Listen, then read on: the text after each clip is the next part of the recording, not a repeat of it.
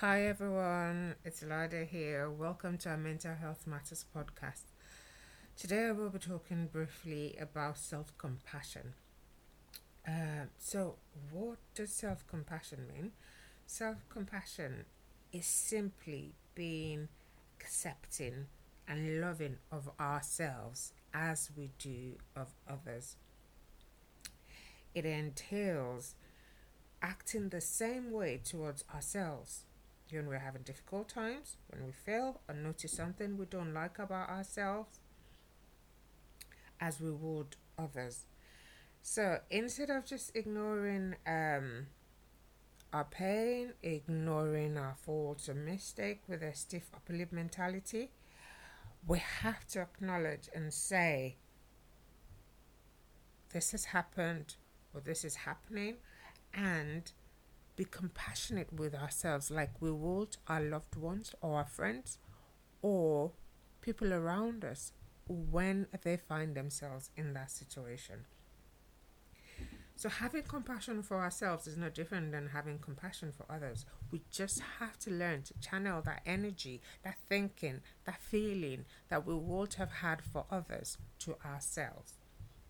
So, first, we have to acknowledge that compassion for others is as good as compassion for ourselves. But first of all, we have to notice that compassion, we have to notice when others are suffering or when they're in pain or when they're having difficult times to be compassionate towards them. In that same vein, when we're having difficult times or we have um, we're going through anything, we have to be able to notice and acknowledge that yes, I am going through this at this time and I need to be compassionate with myself like I would others. Secondly, compassion involves being moved by the feelings of others. Being when somebody's in pain, you see them in pain, you can see the, the painful expression in their face, you can see that they're in painful distress, if they're suffering, if something bad has happened to them and they're going through a difficult time it means you feel warmth, you feel caring, you feel moved by that desire to help alleviate the suffering or the pain. In that same way, when you recognize that you are in that situation or you're recognize that, you know, as I've described for others, you are there. You have to learn to offer the same understanding and kindness and the benefit of self doubt that you will give others to yourself. Instead of judging and criticizing ourselves for various shortcomings and inadequacies and failures and past mistakes, we should learn to be compassionate, to be kind, to be understanding, to give ourselves a break. So, what are the three elements of self compassion? The first one is self kindness versus self judgment. Now, this is very, very, very common. We tend to judge ourselves harshly more than we judge others. When other people find themselves in situations where we are moved to be compassionate to them, and we find ourselves in that situation, there is a whole different ballgame entirely rather than be, cash, be compassionate and be kind to others like the world have been, we find that we judge ourselves really harshly and are critical. So, self compassion entails being warm and understanding towards ourselves. When we feel inadequate, we have pain, we suffer, rather than just ignoring it and you know letting it fester, or rather than just burying our heads in the sand and saying it's not happening to me.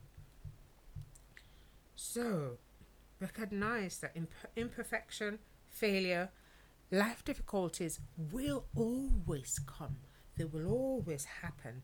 And what makes a difference is exactly what we do to others when these things happen. Same way, what may will make a difference for us is how we treat ourselves at that time we talk about being loving, being caring, and being supportive of other people around us and we don't do that. This is what self kindness is all about. When the reality has hit and these things happen, we must be sympathetic with ourselves. We must be understanding with ourselves. We must go out of our way to be caring towards ourselves and support ourselves rather than be critical of ourselves when we wouldn't have been critical of other people, our loved ones, our family, our friends, when they find themselves in that situation. So, first is self kindness versus self judgment. Second one is common humanity versus isolation. A lot of the times, frustration happens when we find things are not going as the way we want them to be. They are not as smoothly as we thought. I have not achieved what I thought I was I would have achieved now. Um, I have not obtained what I thought I would obtain from this. Everyone gets frustrated. We all will find ourselves at that at that point at one you know, one or two many times in our lives. The difference is what we do. So, common humanity versus our isolation is recognizing that frustration, that irritation, irritability that comes with those points and seeking out others. Looking at others. Other people have gone through this it's not just me. Like that term of why always me, it's not just you, it's not just us. There have been other people that would have gone through something similar. And finding that point and saying, others have gone through this, others have been through this, others have experienced this, and they have come through on the other side rather than thinking it's always just me, bad things always happen to me, and having that negative pattern of thinking. Third one is mindfulness versus over identification. Self compassion requires taking a balanced approach to our negative emotions. As I said before, negative pattern of thinking. It's always about me. Uh, the, the, we, we have those feelings that we tend to suppress or we over exaggerate. Over identification, it, it involves having like a balanced thought in different areas of, of our lives. Two areas that are not going well, but you can identify two areas that are going well. We, we, we tend to think that there's no balance and we tend to see our cups as half empty rather than half full of saying yes it's half full and i'm gradually going to increase it till it gets to the full brim rather than saying it's half empty and it's got to go down and keep going down. So mindfulness is a non-judgmental receptive state in which we can observe our feelings, our thoughts as they are without trying to suppress or deny them. So have that state of mind where you can go in towards yourself and identify them, not suppress them or deny them, and don't tend over towards over identification of the cup is half empty and it's gradually going to keep going down rather than having the optimism or the positive mindset that it's half full and I can gradually increase and increase it till it gets to the brim ignoring our pain, ignoring our suffering, ignoring everything that we are going through will not help. Burying our heads in the sand will not help. Mindfulness helps us take that internal moment to think through ourselves and identify what exactly it is that we're going through in terms of thoughts and feelings and help ourselves to think through and deal with them. So, does self compassion have any benefits? We've talked about self compassion for a while now, um, and we think, we keep thinking, is there any point to this? Now, think about it. Self compassion yields a number of benefits, including lower levels of anxiety and depression. Imagine being in that state where you think, oh, it's always me, it's uh, just happening to me. Nobody else has been through that kind of pain, nobody else has been through the kind of life difficulties that I have. It, as in contrast to thinking other people have gone through this and they have come out on the other side. So i can as well. It that automatically helps to reduce the anxiety of what the future holds. It helps to reduce the anxiety of whatever difficulty it is that we're going through Self compassion also helps us recognize when we are suffering and being able to be kind to ourselves at these times, which automatically also helps to reduce our levels of anxiety and helps us function better. Forgiving and nurturing ourselves is really important. We always talk so much about forgiving others. Forgiving others is like let's setting yourself free. Forgiving others is like emptying yourself of negative energy. But what about forgiving ourselves?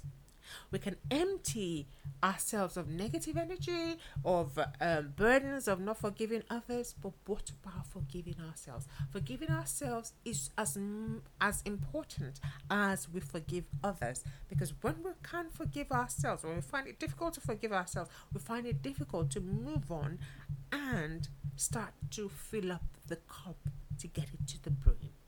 You've made the mistake. The cup has become half empty, half full, rather. See, self compassion there. You've made the mistake. The cup has become half full. Rather than berate yourself, think, I have made that mistake. I need to start to empty. Forget that. Forgive myself. Nurture myself so I can bring myself back to the point of filling the cup back to the brim. So, forgiving ourselves is just as important as forgiving others. Now, there are a few things that we can do um, when we find ourselves in those situations because it can be easy to talk about all the benefits and why we should do that. One thing I have found helpful and others have found helpful is writing those things down. Write a letter to yourself. When you're going through something difficult like that, pour out the thoughts, pour out the feelings, write it down. If it's in a paper, if it's on your tablet, just write. Write and write. The feelings, the thoughts, the negative emotions, the negative energy, the situation, and everything. Just pour it down and then identify all the negative thinking and all those things. And then now think, well, I had a friend who faced this situation or who said this about themselves, and I said, uh, definitely not. Maybe you've had a friend who said, oh, I'm ugly, I'm disgusting, I'm not good enough. What would you have said to your friend at that point in time? as you've written it down and said it to yourself, think about it. I would have told my friend, No, you're good enough. You're good. You're perfect just the way you are. Now say that to yourself. Give yourself encouragement. This is absolutely important.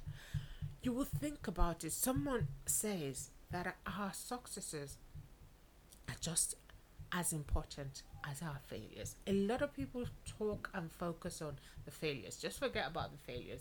You know, you learn so much from failures, but also we also learn from our successes. You have been successful in something. Every one of us has been successful in at least one thing. Identify that and say to yourself, I was successful at this and it's still the same me. I can be successful at this difficult situation, at this trying time, in this difficult circumstance or moment. Give yourself encouragement. Think of the advice you will give to yourself as an encourage to your friend or your family or your loved one as an encouragement and give it to yourself. If you had to write it down, put it on stickers on your wall or where you see them daily, do it and give yourself encouragement. Again, practice mindfulness. take that moment to internally to go in internally you take time out to care for friends you take time out to take your friends out. You take time out to show your friends you care. Take time out to show yourself you care about yourself just like you will do your loved ones. Lastly take care of your body. You've got just one body. When you learn to give your body compassion and caring like you would those of others. Imagine having a loved one or a friend who is unwell or who's uh, has signs of being unwell or is showing any symptoms. You start to give them advice. Maybe you should cut down on this. Maybe you should do this. So give yourself the same advice. You would tell others eat healthy, do your 30 minute walk um, a day or a few times a week, do the same for your body. You've only got one body to live this life in. Thank you very much for listening. Again, if you have any feedback, please kindly uh, pop into our Facebook page, our Facebook group, our Mental Health Matters, on Twitter at Omolade Amaka, O M O L A D E A M A K A. Until next time, remember empower your mind, empower your life. Goodbye.